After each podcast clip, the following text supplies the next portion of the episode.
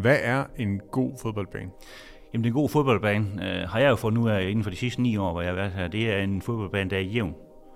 Det er faktisk ikke så meget, hvor meget græs og hvilket græs, der er på den. Det er, det er jævnheden, der gør det. Det her er Carsten Påske. Han er formand for Groundsman Association Danmark, der i daglig tale mere mundret forkortes GAD, eller bare kaldes Groundsmans Forening.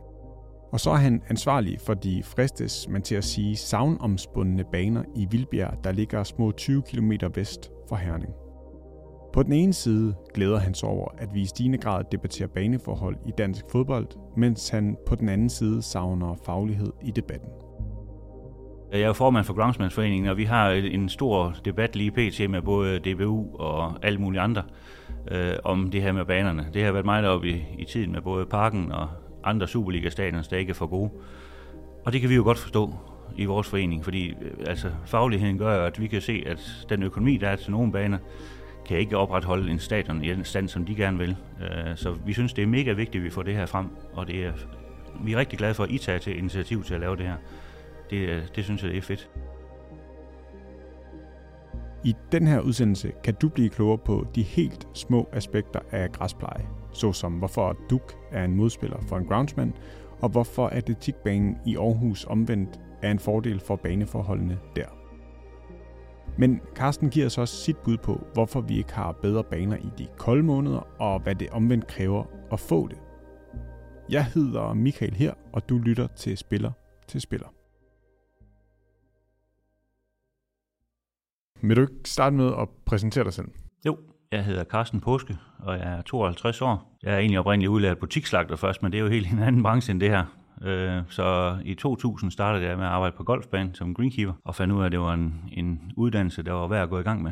Så jeg blev udlært greenkeeper øh, på Sandmoseskolen i Nordjylland i 2007, og så har jeg været chef greenkeeper i Herning Golfklub fra 2006 til 2013.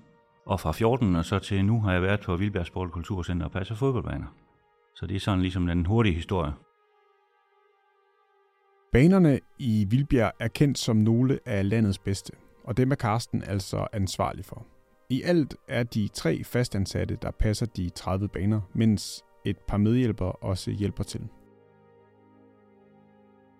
Det gør de så godt, at blandt andet herrelandsholdet og klubber fra ind- og udland har betrådt græsset i det midtjyske. Hvem er det, der bruger jeres anlæg? Åh, oh, det er mange. Altså, som vi selv siger, det helt store, det er jo øh, det er Vildbjerg Cup, hvor der kommer øh, 6, 8, 9.000 spillere i løbet af en uge og spiller, så der er rigtig mange, der kender os. Og derudfra så får vi en masse øh, træningslejre, og det er alt fra ungdomshold op til elitehold. Vi har haft Bode Glimt øh, sidste år på træningslejr, som øh, skulle have spillet Champions League, og de valgte også, fordi vi havde græsbaner, der svarer til det, de skulle spille på, som de siger. Så det er jo en, en, et godt klap på skulderen til os. Vi har haft Atalanta lige inden de skulle spille Champions League i Herning. Alle mulige forskellige. Altså det er alt fra Superliga-hold over til store udenlandske hold. Men også Serie 1 og Serie 2 og Serie 3 herhjemmefra, så det, det kan være alt muligt blandt mellem hinanden. Så har vi en kæmpe stor fodboldafdeling selv, hvor vi dameafdelingen er nok det største. Vi har første divisions damer, U18 piger, U16 piger, DM og hvad det hedder. Så vi har en stor, stor dameafdeling. Så der er, der er pres på banerne? Det må man sige. Men alligevel så har vi ikke så meget pres ved, at vi har så mange baner, så vi har mulighed for at flytte banerne rundt. Så træningsfaciliteterne bliver sådan, at, at de træner ikke samme sted alle steder, øh, alle dage, sådan at vi, vi kan flytte dem, så der ikke er noget, der bliver rigtig slidt. Det er vores helt store øh, fordel i forhold til andre. Okay. Øh, jeg vil gerne dvæle lidt ved, øh, ved Bodø Glimt. Ja. Øh, prøv at fortælle lidt om, hvilke hvad skal man sige, forventninger, eller hvordan, hvordan forløbet var med dem? Jamen forløbet var sådan, at Bodø Glimt de skulle ud og spille Champions League, og de spiller jo på kunstgræs derhjemme i Norge.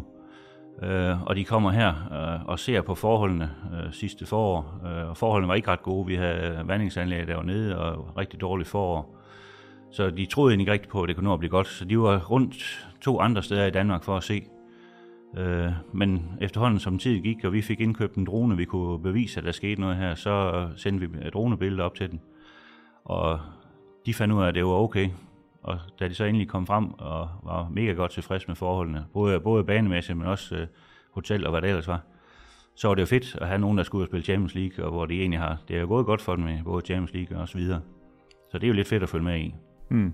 Så de var tilfredse med det, de, det, det der ligesom mødte dem? De var fuldt ud tilfredse, og vi har fordelen af, at altså, de vil gerne træne på stadion.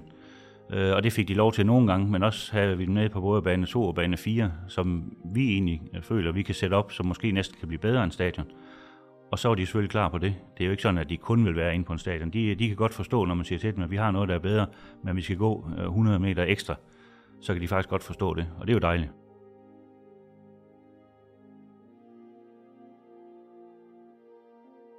Når Karsten taler om sin métier og i flæng bruger vertikalskæring, topdress, topskæring, prikning og andre fagtermer, kan man hurtigt føle sig en smule sat af.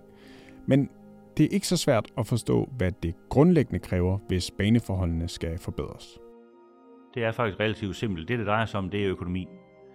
Jeg tænker, økonomi og faglighed, det tænker jeg, det, er, det går meget godt hånd i hånd, hvis man tager de ting. Og så noget mere kommunikation.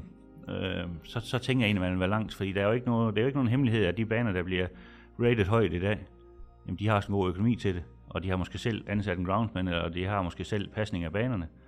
Øh, hvor dem, der ikke har så gode baner i dag, har måske, øh, måske også faglige øh, personale, men de har måske ikke ret meget at gøre med. Men jeg tænker, en, en, en, noget fagligt personale kan jo gå ind og fortælle, og så håber man jo, at klubberne og kommunerne, de vil lytte lidt efter, hvad der bliver sagt. For jeg tror, der går rigtig mange ting spild lige der, øh, at man ikke helt lytter efter, hvad der bliver sagt. Fordi der er nogen stadigvæk tænker, at græs er jo bare græs, og hvorfor fanden kan den ikke lige stå, som man tænker og håber på. Nu går vi heldigvis ind i en periode, hvor solen begynder at skinne, og det bliver varmere, så bliver næsten alle baner jo gode. Men der er stadigvæk en forskel på dem, der har stor budget, og dem, der har lav budget. Hmm. Det vil altid blive ved med at være. Prøv at sætte nogle ord på de forskelle. Jamen, øh, jamen altså nu, øh, nu er det jo ikke nogen hemmelighed. Randersbanen har stået øh, skidt noget tid. Øh, og jeg tror, jeg ved ikke, altså det skal jeg ikke kunne sige, men jeg tror ikke, deres økonomi er ret stor i forhold til for eksempel AGF. De ligger jo tæt på hinanden. AGF har hybridbaner, de har egen øh, groundsman ansat, som er mega passioneret. Øh, jeg er ikke sikker på, at der bliver brugt lige så meget tid i, i Randers, som der gør i AGF, hverken på bane eller personale. Og der tænker jeg, der kan man se en væsentlig forskel. Øh, jeg tænker jo lidt, altså jeg forstår heller ikke helt, at, at nogle klubber øh, kan, kan blive ved med at forlange at sige, at vi skal bare have bedre og bedre faciliteter at spille på men, men man vil reelt ikke rigtig give noget til det. Det er jo en mega, mega stor øh, ting for klubberne, at de har de rigtige faciliteter. Det er både træningsfaciliteter, men også spilfaciliteter. Og så siger, de små klubber, har de overhovedet råd til at komme op og få en, en Superliga-stadion? Der er så mange krav til Superliga-stadion i dag. Har man overhovedet råd til, har kommunen råd til at komme op og spille Superliga? Skal det omlægges til hybrid? Skal der være flere tilskuerpladser? Der skal være varme i banen? Og der, der er mange ting, der skal til, for at man overhovedet kan få lov til at være Superliga-stadion. Og jeg tænker, der er, jeg har i hvert fald hørt, at der er nogen, der har misforstået lidt der. Hvis der er nogen, der siger, at hvis man har varme i banen, så gror græsset jo. Og det gør det bare ikke. Altså, varme kan jo gøre, at banen bliver tødt op, men det kan jo ikke gøre, at græsset det gror om vinteren. Der skal stadigvæk have lys, og det skal stadigvæk have de der forskellige faktorer. Så det, det kommer aldrig til at gro, bare fordi der er varme i banen. Jeg vil gerne blive lidt ved, øh, ved de forskellige forudsætninger, ja. som, øh, som de forskellige groundsmen har rundt omkring ja. i, på Superliga-stadions. Øhm, Ja, kan du prøve at sætte nogle ord på dem? Altså, hvad, hvad, hvis vi tager sådan fra den ene yderlighed til den anden? Ja, altså hvis vi nu tager, altså nu, Brøndby bliver jo klassificeret højt.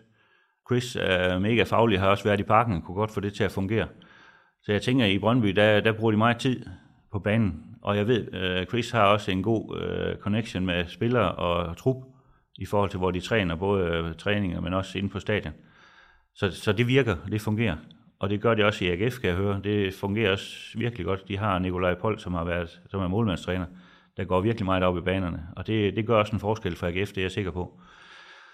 Kontra, øh, vi kommer over til, øh, vi kommer over til Randers banen igen, eller OB, eller, der er jo ikke, der er ikke helt den samme øh, økonomi, og der er heller ikke den samme faglighed, jeg er sikker på. Øh, AGF har jo trådt lidt ud af, af busken, tænker jeg, og fået fat i en rigtig dygtig ung groundsman der er udlært, som bare har passionen for faget, øh, som vil det og vil arbejde sammen med dem derude og snakke sammen med dem. Det, det er jeg sikker på, at det gør en væsentlig forskel. Nu skal de have et nyt stadion ud. jeg håber da selvfølgelig også, at de tager den groundsman med i snakken om, hvordan egentlig stadion skal være og vinde og sol og skygge og alt det her. Det er en væsentlig faktor, som vi ser, ser fra parken.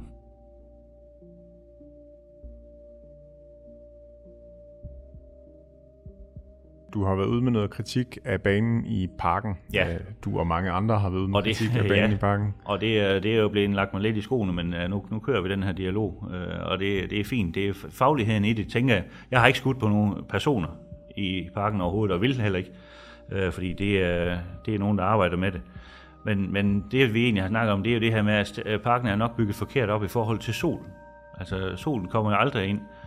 Øh, og jeg kender ikke Daniel, der har været i parken før. Jeg er blevet skudt i skolen for, at det er min ven. Øh, jeg kender ikke Daniel, han er også groundsman, uddannet groundsman, så jeg er sikker på, at han også vidste, at der ikke kom sol nok i, i, på hele parken.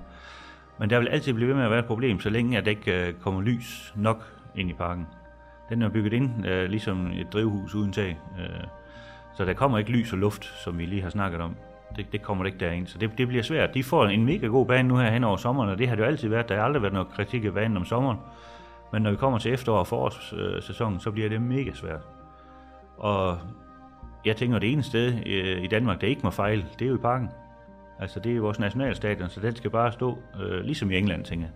Men så skal de nok have kigget lidt over til Tottenham, som vi har snakket om før. Og så lade være med at tænke bio, øh, biodiversitet og klimavenlighed og alt det her, så skal der bare fyres noget energi i det. Men det bliver dyrt, det er ingen tvivl om. Men hvad kræver det så? Altså, når du, du, siger, du siger, der ikke er nok lys, det vil Ja. sige en masse vækstlamper, eller hvor er vi? Altså, der er en grund til, at de nogle stadion skal køre, køre banerne ud, hvor der er lys hele døgnet rundt. Eller det er det jo så ikke, men i de lystimer.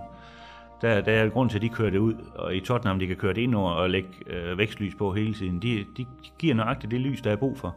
Og jeg kan ikke sige, hvor meget lys, der er brug for i parken, men, men det er klart, det er klart mere, end de har nu i efteråret og forårsperioden. Så jeg tænker, jeg, jeg vil jo tænke 100% af banen. Altså det er hele banen, der skal dækkes af lys, øh, fordi der må ikke være et hjørne i parken, der ikke fungerer. Det skal fungere. Så det er, kig til Tottenham og se, de kører, de kører vækstlys ind over hele banen, og så starter det det, og så tænker de ikke mere over det. Så jeg tænker vækstlys, og så de der, jeg tror, de har fået nogle øh, luftkanoner og noget, altså. Så jeg, jeg, jeg tror, de er med. Jeg tror også godt, de ved, hvad det er, men jeg er ikke sikker på, at økonomien helt følger med.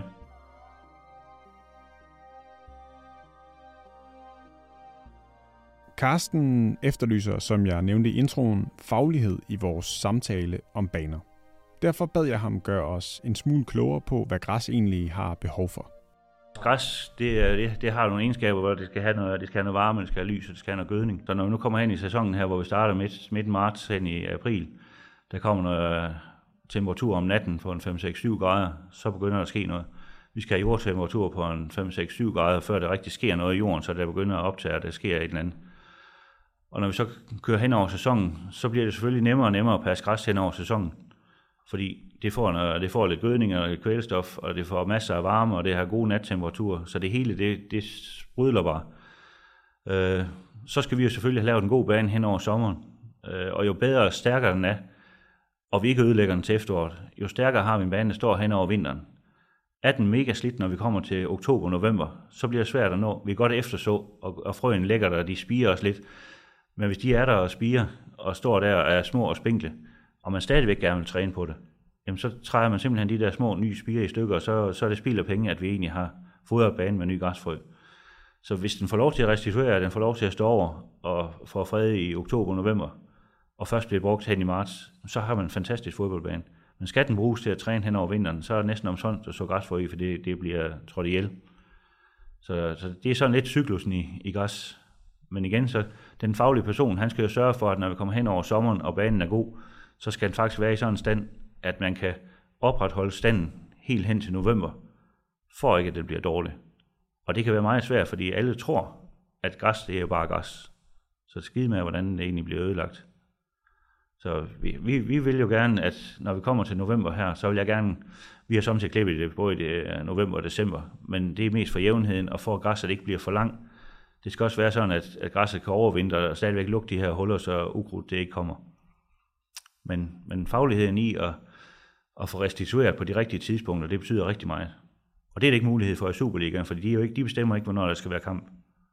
De, øh, de har fået påduttet et, et, et kampprogram, og det bliver man nødt til at følge. Så der vil jeg sige, der, hvis man skal gøre noget, så skal vi selvfølgelig have varme, men man skal måske også have lidt lys og vækstue og de forskellige ting, for at opretholde nogenlunde stand, og det, det bliver dyrere og dyrere, jo flere ting man skal praktisere. Ja, jamen fortæl mig lidt om de, øh, de remedier, man så ligesom kan gøre brug af, for ja. at banen får bedst mulige betingelser? Altså vi, øh, vi så jo dengang, vi var i Tottenham og se, at øh, så snart kampen er færdig derovre, så kører de jo ind, og så sætter de vækstlys på hele banen. Og det er jo for at give den optimale betingelser, for at den får det lys, den skal have. De kunne både vand, men øh, de kunne også øh, køre banen ind under bagtribunen, og så kunne de styre det hele med CO2, så de kunne bestemme, hvor meget CO2 der skulle være i rummet derinde under. Og det er jo ekstremt, men igen, de vil det. Det, det skal stå perfekt, så, det, så de, de ved, at de kan styre det hele. Og det, vil vi, det kan vi ikke komme til herhjemme. Øh, jeg, jeg nægter at tro på, at der er nogen herhjemme, der har økonomi til at gøre det. Men, men det er jo egentlig det, der skal til. Så hvis vi skal gøre noget herhjemme, så skal vi finde de dårlige områder og sætte vækstlys på. Øh, og det er jo selvfølgelig målfelter, der altid er de værste. Øh, der skal noget vækstue på, eller og lys måske, øh, og noget varme. Det er jo egentlig det, vi har at fodre vores bane med, som, som vi kan bruge kunstigt. Der er gødning og de der forskellige ting, men man skal også passe på, at man ikke øh, overgøder. Altså vi har nogle restriktioner herhjemme med, med, med gødning og pesticider og sådan, og det er jeg ikke helt sikker på, at de bor i England. Så der, der har vi også lidt nogle, nogle barriere. Vi snakker klimavenlighed hele tiden og biodiversitet, så det er også lidt nogle modspillere til i forhold til at bare koste ud med vækstlys. Vækstlys, det er rimelig dyrt. Jeg aner ikke, hvad det koster, men jeg kunne forestille mig, det var mega dyrt at sætte sådan en 10.000 kvadratmeter under lys. Det er nok ikke så bæredygtigt. Det er ikke bæredygtigt, nej. Øh, men det er det, der skal til, hvis øh, vi vil have gode baner hen over efteråret og ja, vinterperioden. Ja, så snakker vi vækstlys. Med. Vi snakker også noget luft, fordi nu, øh, nu har jeg set herude, da jeg startede, der havde vi nogle baner, der var rigtig dårlige. Enderne øh, var rigtig fugtige. Øh, og der var banerne egentlig meget lukket inde i træer øh, og noget hegn og nogle forskellige ting. Og der tog vi sådan en rest beslutninger. Vi øh, nogle, lå en del store træer blive, og så fjernede vi alle bundvegetation og alle buske, der var så der kom luft igennem de her bælter her. Og det har faktisk gjort, at alle enderne er blevet gode igen, så det vil sige, det der med at få noget luft igennem, sådan at der kommer noget ild i jorden, og, og dukken bliver blæst af især, det gør, at det hele det egentlig går meget hurtigere. Så ind på en Superliga-stadion, hvis der er for tæt, jamen så bliver man også nødt til at få enten uh, trukket dukken af om morgenen, eller også sådan nogle uh, luftkanoner til at stå og blæse det, blæse det væk. Så det har en, en noget større effekt, end man lige tænker. Da jeg var på golfbanen, der havde vi også øh, koster til at sidde foran på greenklipperen, for eksempel til at tage, tage dug af, inden vi klippede. Fordi hvis man kører med, med klippeled, der ikke er helt skarp nok, så laver du en, en flosset, et flosset klip, altså snit i græsfladen. Og hvis man laver et flosset øh, snit der, og det sidder dug, så er det egentlig der, den trækker sygdommene ned. Det, det sidder i det. Så trækker den den vej ind. Så det der med både sygdomme og alting, det, altså det skal være ren klip, og det skal være de forskellige ting. Så Dukken er en, en, en modspiller. Det er ikke mange, der tænker, men det er faktisk en modspiller. Og set i det lys, og nogle vil måske også sige, også kun i det lys, er atletikbanen på CS Park en god ting, fordi den giver græsset bedre forudsætninger for at gro. Gode forudsætninger er der dog ikke i vintermånederne, for når frosten kommer, stopper væksten lige snart de var ude at løbe, så kan man se de her fodspor. Og det er fordi græsstrå det er bygget op af mange øh, tusind små rør, der transporterer vandet frem og tilbage. Og hvis det er lidt frosten, hvis du tager et sugerør og kommer vand i, og det fryser, og så du knækker det på midten, jamen det er ligesom at tage og knække et græs, øh, græsstrå, så kan det ikke transportere vand frem og tilbage i de der rør længere, og så, så dør græsset simpelthen, så visner det og får de her gule eller røde fodspor. Det kan vi se også, når vi går ud på vores egen græsplæne øh, om vinteren så kan man jo se, at de her spor her, de bliver ved med at være der, og man laver nogle ødelæggende spor øh, i lige de første dage, hvor der er nattefrost. Så, øh, så slider man jo det her væk, øh, og det gør man på greens, det gør man også på fodboldbaner. Og eftersom vandet er trukket ud af græsset, så, så sker der ikke mere. Øh, vandet trækker simpelthen ned i rødderne, og så er det afhærdet, som vi kalder det. Og det, øh, det gør, at vi slider det væk. Altså, græsset forsvinder fuldstændig, og hvis man kommer helt ned og slider hjerteskuddet af, så kommer græsset ikke igen. Så er det jo dødt kan man blive ved med at, at slide det sådan, at det ikke er væk, ligesom når hybriden er der, så slider man ikke det hele væk, så er det egentlig hybriden, man træder på. Så, så, så kan man opretholde det, og så kommer det faktisk igen øh, til foråret. Og det er så der, hvor øh, vækstlys og... Var det en vækstdu? Ja, vækstdu. Ja, ja, at det så ligesom kan ja. være remedier, ja. der kan... Ja. Vækst, vækstdu gør bare det, når man lægger det henover, det er så ligesom et væksthus, det vil sige, så laver du en lille smule varmere nedenunder. Så du giver lidt varme nedefra, men du, du holder også på varmen, og så er der solen, når den skinner en lille smule, så kommer en lille smule ekstra varme, så det vil sige, du, du, du laver det en lille smule varmere nede ved, ved vækstmediet, end det er i forvejen, så man snyder lidt, og så gør det på den måde. Men det er også en dyr bekostning. Det tager jo lang tid at lægge det på, og lang tid at trække det af, men det har en god effekt, især ved nysåning og sådan nogle forskellige ting. Så det er en af de der ting, man kan bruge. Karsten nævnte det kort. Ordet hybrid. Og netop hybridbaner, både af den ene og den anden slags, er et af de tiltag, der sammen med vækstlys og en vækstue kan sikre, at vi kan opretholde gode baner i de kolde og mørke måneder. Altså hybrid, det er, det, er, det er jo meget nyt, men vi har rullehybrid, som egentlig er en rullegræs, der bliver lagt ud. Der, der topskærer man banerne, som vi snakkede om før. Og så lægger man den her rullehybrid som en ganske almindelig rullegræs, hvor hybriden er i, i en måtte. Så det vil sige, der er bare der er, øh, 8-10-12 procent plastik i, ligesom på en kunstgræsbane, hvor det stikker op og skal bære. Og det vil sige, når vi kommer hen til efterårssæsonen, øh, hvor græsset ikke gror så meget mere, så trækker det sig en lille smule tilbage, så er det egentlig plastik, man træder mest på. Det vil sige, at så, så prøver man at skåne og ødelægge hjerteskuddet på græsset, som det hedder, for at slide det helt væk, så det dør. Så, så beskytter man det lidt, og den vil altid se grøn ud. Øh, det er den ene model. Så har vi den syge hybrid, det er ligesom inde i Herning og Helsingør, og øh, Viborg har den også, hvor der kommer en maskine, der syr, øh, jeg tror det er 70.000 øh, plastikstrå ned per kvadratmeter i 20 cm dybde, som så stikker de der 1,6-1,9 mm op over, som så er der fast. Og det vil sige, så har man jo den nede i jorden, og skal man, skal man til at ændre det, så skal du grave det hele op igen. Hvor rullehybriden, den kan du skære af i den tykkelse, du nu har græsset. Når du har en syg hybrid, så, så skifter man ikke sådan bare lige banen igen. Det bliver en, en større operation. Jeg har ikke hørt nogen, der har gjort det endnu, men altså på et eller andet tidspunkt skal der nok være nogen, der prøver. Men de har gjort det i England i mange år og spiller fint på det der år, så de har i hvert fald erfaring for det. Så det er sådan en væsentlig forskel på de to ting. Ja, og så er der kunst, og så er der naturgræs. Ja, hvad, ja, hvad, hvad ja, prædikat til det ja. på? Og altså, kunst er jo bare ikke ret godt, hvis jeg skal sige det, men altså, det er et rigtig godt alternativ til at spille fodbold. Og nu kan vi se de situationer i år, hvor der skulle spilles i sidst i november, og der skulle spilles igen midt i februar, hvor faktisk ingen baner rigtig var klar. Jamen, så var det fantastisk at spille på. Og for de klubber, der har det rundt omkring i Danmark, jeg ved, der er mange i Aarhus-området, og der er mange i Københavns-området, hvor de er mega presset på plads. Der er det jo det eneste rigtige, fordi du kan ikke, du kan ikke holde en græsbane, hvis der er så mange, der skal træne. Og alle træner jo stadigvæk uden for sæsonen, og uden for sæsonen, der mener jeg der i november, december, januar og februar, hvor græsset ikke gror. Altså der, der slider det bare 30 gange så hårdt, som det gør om sommeren, når der er vækst i græsset. Så der, der kan man ikke holde græs. Og så når man at ødelægge det hele, og så når simpelthen ikke komme i gang igen, inden, når, inden sæsonen skal i gang. Så der er mange, der ikke kan forstå, at nu har det banerne haft fred, for eksempel herude, at har fred, har fred siden november. Hvorfor er de så ikke i orden? Jamen, der er ikke sket noget med dem hen over vinteren. Altså, det, der er ødelagt til efteråret, det er også ødelagt til foråret. Så det er der, man så skal til at give den gas, og skal det op og stå igen.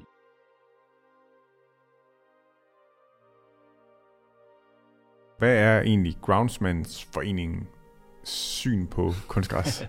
Jamen, øh, jeg tror, det er, jo, det er jo fint nok, fordi vi har rigtig mange kunstgræsbaner i Danmark, og de er nødvendige. Altså, og det kan vi jo bare se nu med alle de omtale, der har været med det her med, med ulovliggørelse af kunstgræs. Og det vil jo være en mega bed, fordi vi har ikke noget alternativ. Vi har ikke, så skal vi tilbage til grusbaner, tænker jeg, og det er, det er nok ikke nogen, der ønsker. Øh, men i forhold til at skal træne hele sæsonen, og mange skal spille, så er det eneste rigtige, vi har lige nu. Og vi ser ikke noget negativt til det. Det jeg tænker bare, det er, at der er mange, der tror, at man får anlagt en kunstgræsbane, og så, så fungerer den i 10 år, uden man skal gøre noget. Men jeg vil faktisk sige, at det er 4-5 gange så dyrt at passe en kunstgræsbane, øh, som det er at passe en græsbane i dag. Og det er det ingen, der tænker, når de får anlagt sådan en. Mange kommuner tænker, at vi, øh, så lægger vi et hold kæft ud til den der lille øh, klub der, og så skal de bare selv drifte den. Men der er ingen, der ved, hvordan den skal driftes. Og der er ikke nogen, der har været på kursus. Der er så mange, der mangler noget kursus og noget erfaring i, hvordan man drifter baner.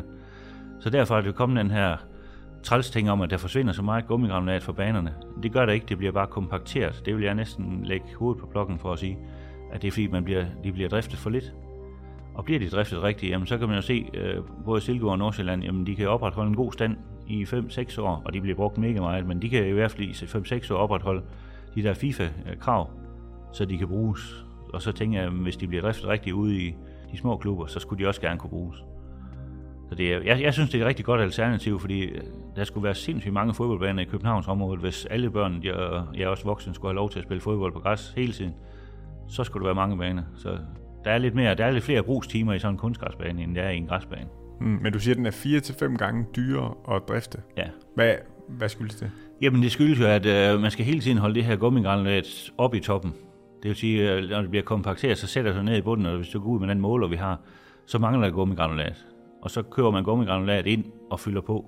Men pludselig er det for meget, fordi det er jo egentlig ikke det, der er sket. Det er jo, det er jo fordi driften, når vi kører om sommeren og tænker, øh, vores øh, græsbaner, dem kan vi se, de trænger til at blive klippet, de trænger til at blive vertikalskåret. En kunstgræsbane, vi kører forbi, den er, den er ens, om du kører forbi en torsdag, eller fredag, eller søndag, så er den altid ens. Så der tænker man, at det behøver vi ikke lige tage i dag. Men den er faktisk lige så vigtig at køre på. Øh, så, så de der idéer om, at jamen, det behøver man ikke gøre noget ved, heller ikke på sommeren, det behøver vi ikke gøre noget, det passer faktisk ikke, fordi sollys det, det gør jo, at det hele det kompakterer, altså det hele bliver, sætter sig, det kan vi se med alt muligt andet også.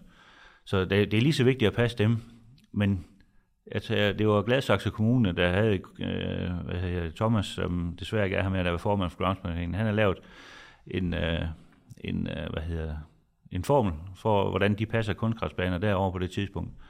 Og den viste faktisk, at øh, det var cirka fem gange dyrere at passe den frem for en græsbane, hvad de bruger af økonomi på det.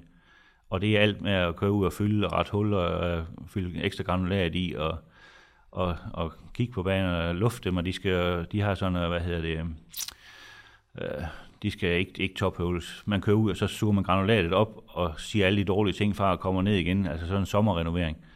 Så alle de der forskellige ting, frem for en græsbane, jamen så, så bliver det bare så meget dyrere. Men her taler vi så ikke om elitebaner, eller hvad? Altså hvad det er, er der sammenlignet med? Det, det er ligegyldigt, om det er elitebaner eller ej. Altså, jeg, jeg, jeg har aldrig hørt øh, budgettet for, hvad det koster for Silkeborg for eksempel, men altså, det er, det er meget dyrere. Hmm. De bruger så også banen hele tiden, den bliver brugt ekstremt meget, og holder måske kun 5 år frem for 10 til 12 år. Øh, så har de jo valgt at sige, at alle skal have lov til at bruge den ind på Jysk Park. Og det synes jeg, det er fantastisk, at de kan lave sådan et koncept, at så mange som muligt får mulighed for at bruge det, så ikke kun er Superliga-hold. Det synes jeg, det er fedt. Altså det, det, så kan jeg godt se en idé i det. Ja, det skaber noget samhørighed ja, det gør det. Ja, det gør det. byen sikkert ja, også. Ja.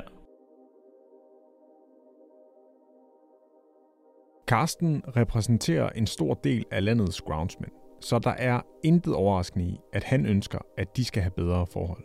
Men ifølge formanden vil bedre forhold for landets groundsmen også give bedre baner. Og det er til gavn for dansk fodbold.